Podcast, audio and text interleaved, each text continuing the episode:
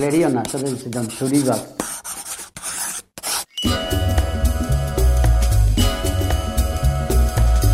Klariona. Esteila sindikatuak eta Bilbo iria irratiak elkarlanean eginiko saioa. Eskuntzari begira jarriko gara eta horretarako ba, astero zabaltzen dugu lehiotxu hau irratian eta gurean dugu Ana Perez Esteilaz sindikatuko kidea eta gaurkoan bizitzaren konsiliazioa sarituko gara eta batez ere aurrezkolei begira ere jarriko gara, ez? Ematen du, ba, gerota saiago egiten zaigula, egunerokotasunean e, bueno, ba, lanera eta bizitza eta zaintza lanekin e, danak elkartzea, ez? E, ustartzea ez da, ez da erreza, eta familia eta pertsona asko ba, ba zailtasunak dituzte, eh? aurrera eramateko, ez? Eta, bueno, ba, horraldak eta batzuk egin alko lirateke.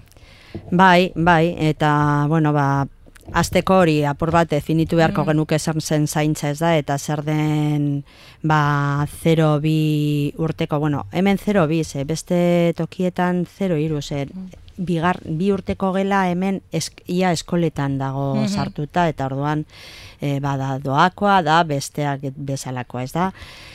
Eta hemen 0 bikoa da hori, ba, partxuer, publiko edo sasi publikoa dena da partzuergo aurreskola partzuergokoa. Mm eta gero zentro beste zentroetan ere badagoz hori ez da publikoa guztiz e, izan ere zerotik bira ez da derrigorrezko eskuntza ez zerotik irura okerrezpanago ez ez zerotik e, lehenengo mailar arte hori da aurrezkuntza osoa ez da derrigorrezkoa baina bueno de facto derrigorrezkoa da mm. ume guztiak eskolarizatzen edo gehienak eskolarizatzen egiten dira bai. bai izaten da esan dezakegu universala eta doakoa da, ez da. Kasu honetan ez, eta, bueno, ba, alde batetik, e, guk normalean esaten duguna, bueno, hori, dela bide honena, e, ba, bueno, ustar konsiliaziorako, ez da, naiz eta jende asko pentsatu hori ba umeak e, etxean baino beste toki batean ez direla hobeto egongo, guk pentsatzen dugu eskola ezitzailea dela, aurreskola asko kostatu zaigu, baina ja ez da, ja ez dugu esaten guarderia edo aurtsaindegia, baizik eta aurreskola, ez da, ze hor bai, ere... kontzeptua edo bai, izenak ere karri du aldaketa, ez? Bai, bai. Gizarteren ikuspegia ere aurreskolarekiko. Bai, ze guarderia, bueno, ba, umeak gordetzeko modu lan labur esan da, baina orain aurrezkolak egiten da lan ezitzailea noski. Mm. Eta, bueno, ba, proiektua garatzen dituzte, koordinazio lan egiten da, orduan ikuste oso proiektu e, ona dela, eta, eta bueno, ba, esan dezakegu ez dakit, ba, e, Ai, orain joan zai, baina, bueno... E, baliogarria... E... Bai, bai, eta motivazio hmm. goiztiarra, ez da, batez ere, bueno, ba, hemen kontuan izaten badugu, ba, ume askok bere etxean euskera ez dutela menperatzen, edo ez hmm. dutela entzuten, ez da, orduan, horre modu batez erresten du, ze aurrezkola guztiak, hori, euskeraz dira, eta, ordu, eta bueno, ba, nik uste lagungarria dela. Zer gertatzen dan, ba, zerbitzua ez dela publikoa, eta ez da doakoa Orduan, e, kuotak izaten dira, e, hau, errentaren arabera, ez da, familiaren errentaren arabera, baina sortxi orduko zerbitzua erabiliz gero, kuotak joaten dira, eun da hogei eurotik berreun eta berrogei eurora janari gabe. Eh? Eta bost ordu bada, ze dago aukera edo sortzi, bai, sortzi ordu, gehienezkoa bai, edo bai, sortzi ordu baino gehiago publikoan edo partzuergoan ez da ematen. Badakigu badaudela kanpoko aurrezkolak edo bueno, edo horiek igual aurrezkola baino gehiago hortzen digia dira eta ordutegi zabalagoa dutela, baina hemen ez, hemen sortzi ordu da topea. Eta bost ordukoa bada, ba, bataz bestekoa da, ba, errenta gutxi dutenak, mm. laro euro eta errenta altua eunda iruro gehi gutxi gora bera pentsatzen dugu oso zerbitzu garestia dela, mm ze badaude familia batzuk, hori, ba, eun euro hori aurre egiteko, ba, asko kostatzen zaiela.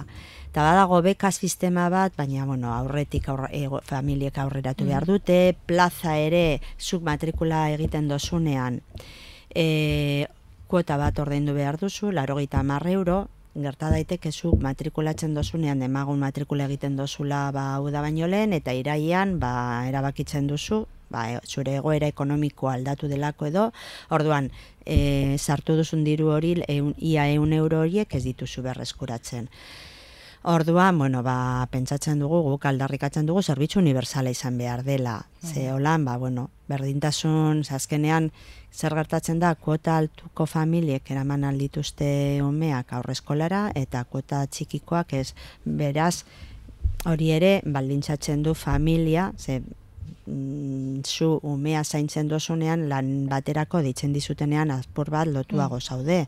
Umea eskolarizatuta edo bueno, aur, aurreskolan egonda, ba, errezago aukeratu alzenuke ba hori lan postuak ez da. Orduan, mm, gehienetak gertatzen da, errenta bajukoak, ba, geratzen dira umeak etxean, e, familiako norbait eta Aitita norbait hori edo ama Mhm. izaten da e, zaintza egiten dutena porque datuetan erreparatzen badugu amak izaten dira edo emakumezkoak izaten gara ba murrizketak edo lan murrizketak eskatzen ditugunak edo eszedentziak eskatzen ditugunak ez e, umeen zaintzarako eta eta ez da dat, edo datu txikia, baizik eta ia euneko laro gita mairua, e, eolako neurriak eskatzen dituztenen euneko laro gita mairua emakumezkoak izaten gara.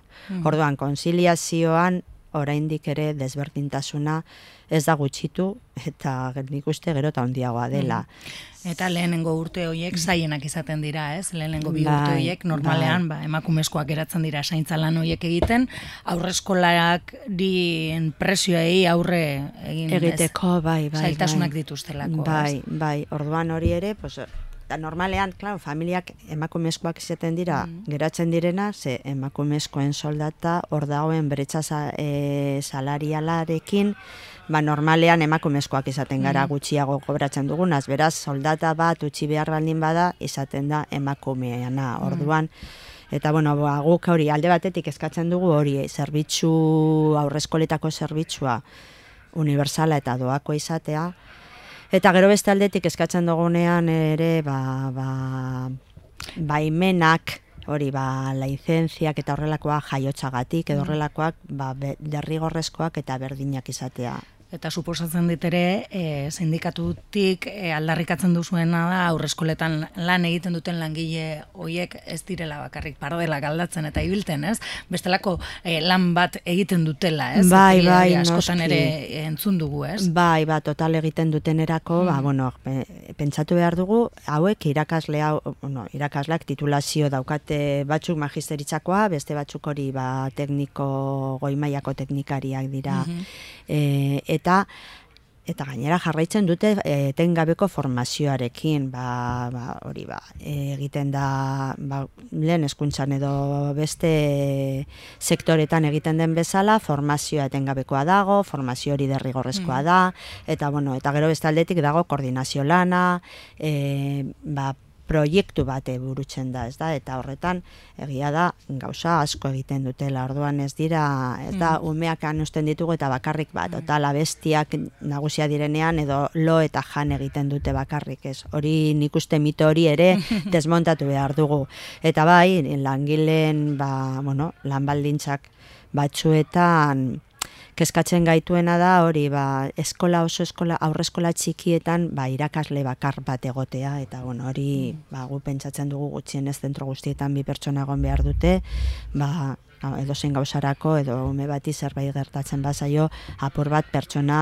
babestuago sentitzeko.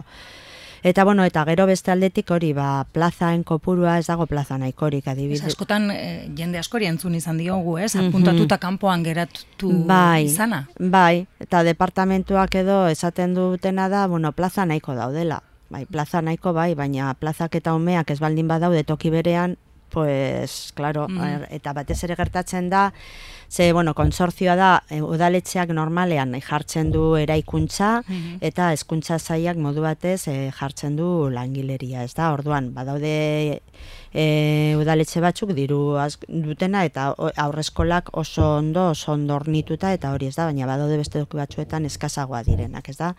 Eta demanda gehiago dagoen tokietan hori izaten da normalki e, hiriburuetan edo herri handienetan, ba hor eskaintza asko txikiagoa da. Eta hemen. Bilbon, ba, Bilbon plaza falta ugari dago. Orduan plaza hoien normalean joaten dira e, kontzertatuetara. Eta batzuetan gertatzen dena kontzertatu pribatuetan plaza merkeago ateratzen dela privazasi publiko hori baino, ze hor ba, kuotak bataz besteko egiten da, eta orduan ba, egiten da kuota solidaria batzuetan, eta orduan bueno, ba, hor e, eskola osoak. Eta gero beste aldetik gure sarritan eskatu duguna da mapa eskolar bat eitea horrekin ere. Ze, aurre eskolekin, claro, mapa eskolarra claro, sortzea. Ze, zu aurre eskolan zauden bitartean, ba, gero bi urteko gelara pasatzeko, e, batzuetan gertatzen da, zuk aukeratzen duzu zure osoko eskolan, eta azten zara zerotik. Mm Ba, aurre eskolan egon zarenean, ba hori bukatu da eta orduan zu berriro egin behar duzu matrikula bi, urteko gelan sartzeko eta gerta daiteke ba plaza nahikorik ez egotea. Konzertatuetan ibilbide ja, ibilbidea jarraitzen dute 0 urtekin hasten zara eta batzuetan 18 hori da ibilbide bai bai bai ibilbide propioa dute eta orduan bueno ba hori ere pentsatzen dugu ez dela oso justua. Mm Orduan, bueno, ba, nor, pentsatzen genuen, hori, ba, igual, aurre eskolak lehentasun izan beharko dute, do, inguruko eskoletarako, ba, bi, horre mandako bi urte horiek, ba, bueno, modu batez bermatzea, aukera izango duzula gero, alboko eskolan jarraitu alizateko. Azken finean, aur, e, aurre eskolak eta eskola publikoa elkartuago egotea ere, ez? Bai, bai, bai. Ze, bueno, ba, eskuntzaren menpe dago, mm naiz eta konsortzio bat izan, baina eskuntza zaiko menpean dago, orduan hori izango zen logikoena. Zaima jendea egia da, aukeratzen dute ja, bueno, gainera lasaitasunagatik eta hori familia bakoitzak aukeratzen du mm. zergatiak egiten duen ez da, baina badakite bi, bueno, edo zero edo urte batekin hasita ja ez dute berriro arazorik izango matrikulatzeko umeak ba, eskolarizazio, derrigorrezko eskolarizazio izan arte. Sare publikoan bi urtetik hori lehenengo aurreskola gero bi urteko gela berriro matrikulazio. DBH-era pasatzerakoan berriro matrikulazio eta batzuetan DBH eta batxillerrera. Orduan horrek ba ez dakit batzuetan ez egon korta e, alako ba bueno inseguridade sortzen du familiengan eta bueno batzuetan e, esaten denean familia guztiek aukeratzeko eskubide izan behar dutela guk e, pentsatzen dugu familia guztiek ez dutela aukeratzeko eskubideri bermatuta.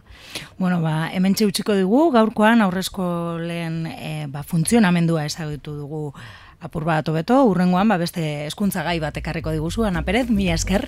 Ba, zuei, eta urrengor arte, bai, agur.